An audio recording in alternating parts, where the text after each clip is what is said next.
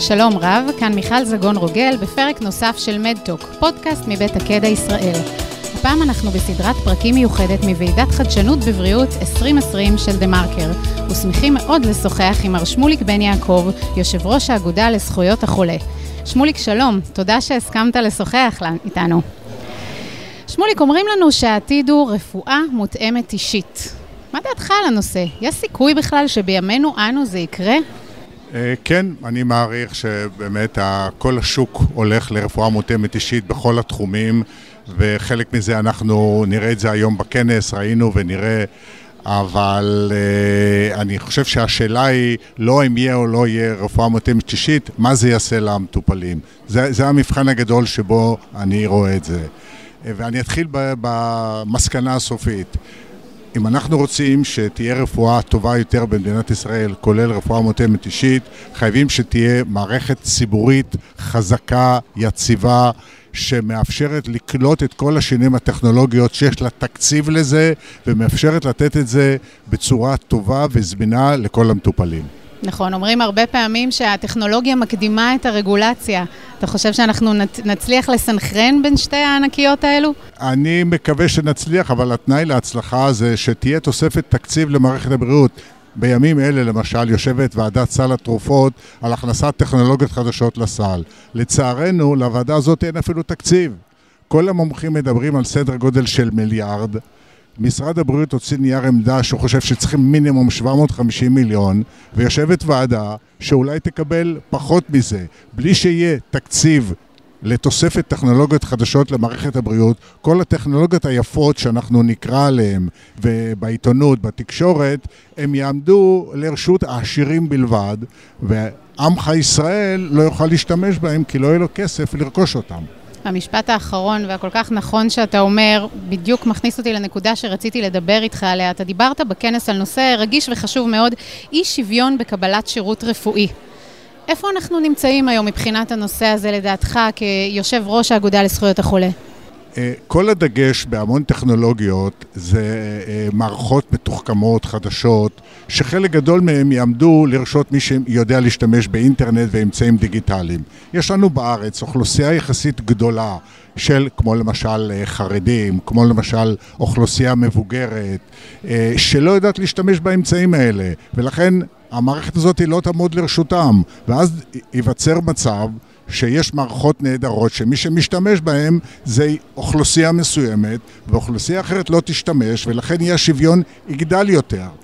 לא פחות מזה, כל מיני אנשים שיש להם מוגבלות של שפה, של ראייה. המערכות האלה הולכות לקהל הרחב, הן לא מתאימות את עצמן לכל האוכלוסיות האלה.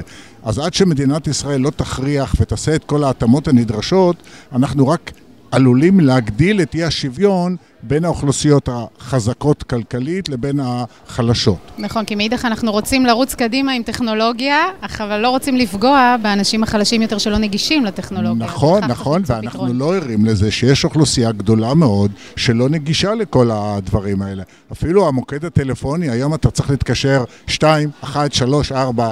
מה עושה אדם מבוגר שבקושי מבין אה, מתי צריך ללחוץ על מה? גם המוקדים האלה הם לא תמיד הכי נגישים והכי... עכשיו, אני לא מדבר על זה, אנשים שיש להם בעיות שמיעה. אז לכן אני אומר, חייבים ב... לחשוב על הטכנולוגיה לא רק כרעיון נהדר, התאמה אישית או כל מיני כאלה, אלא איך מתאימים את זה לכל האוכלוסייה. חכם מאוד.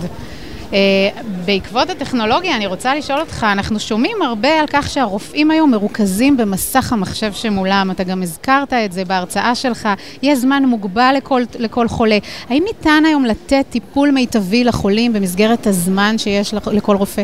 לצערי, אה, עקב האילוצים הכלכליים על מערכת הבריאות, הזמן המוקצה לרופא לביקור הוא מצומצם מאוד. אנשים לא מבינים מה החשיבות של קשר טוב בין רופא למטופל. אה, סדר גודל של 50% מהציבור אין היענות לטיפול רפואי. כלומר, הרופא ממליץ על איזשהו טיפול, החולים לא לוקחים אותו מכיוון שהם לא הצליחו ליצור קשר טוב עם הרופא, לא היה לו זמן להסביר להם מה לעשות, לא היה לו זמן להסביר להם מה המשמעויות של כל תהליך וכל תהליך. המון תלונות על זה שהרופא אינו כל הזמן במסך וכל הזמן שואל שאלות. אם לרופא לא יהיה זמן להקשיב לחולה וליצור איתו קשר, אז אנחנו עלולים לפגוע בטיפול הרפואי. היום מדברים על רפואה מרחוק. גם רפואה מרחוק מרחיקה את הקשר בין הרופא למטופל. תראו, אפשר היה לעשות את הכנס של היום, אפשר היה לעשות בשידור ובפייסבוק, והיינו יושבים בבית ורואים את הכנס הזה, ולא צריכים להשקיע המון כסף בכל הארגון הזה. למה למרות זאת עושים את הכנס? כי המפגש הבין אישי הוא משמעותי מאוד. מכריחים אותנו לשבת, להקשיב להרצאות, להיפגש עם אנשים. אותו דבר בביקור בין רופא למטופל.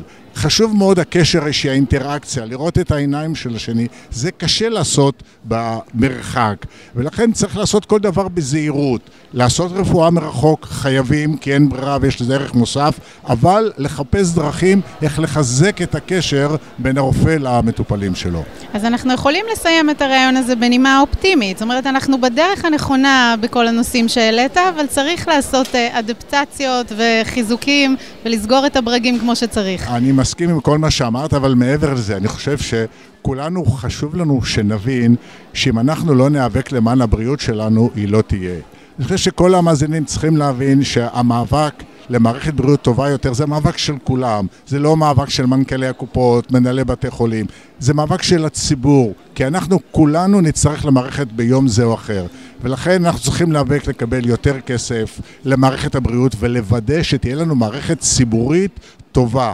רק מערכת ציבורית טובה מבטיחה רמת בריאות טובה לאוכלוסייה. אני איתך. תודה רבה לך, שמוליק בן יעקב, יושב ראש האגודה לזכויות החולה. עד כאן במהדורה הזאת של מדטוק, הפודקאסט מבית תקדע ישראל. תודה שהייתם איתנו. תוכלו להאזין לפרקים נוספים של מדטוק, הזמינים באתר תקדע ישראל, בספוטיפיי ובאפליקציות הפודקאסטים של גוגל ואפל. נשתמע בקרוב כדי להיות קשובים לבריאות.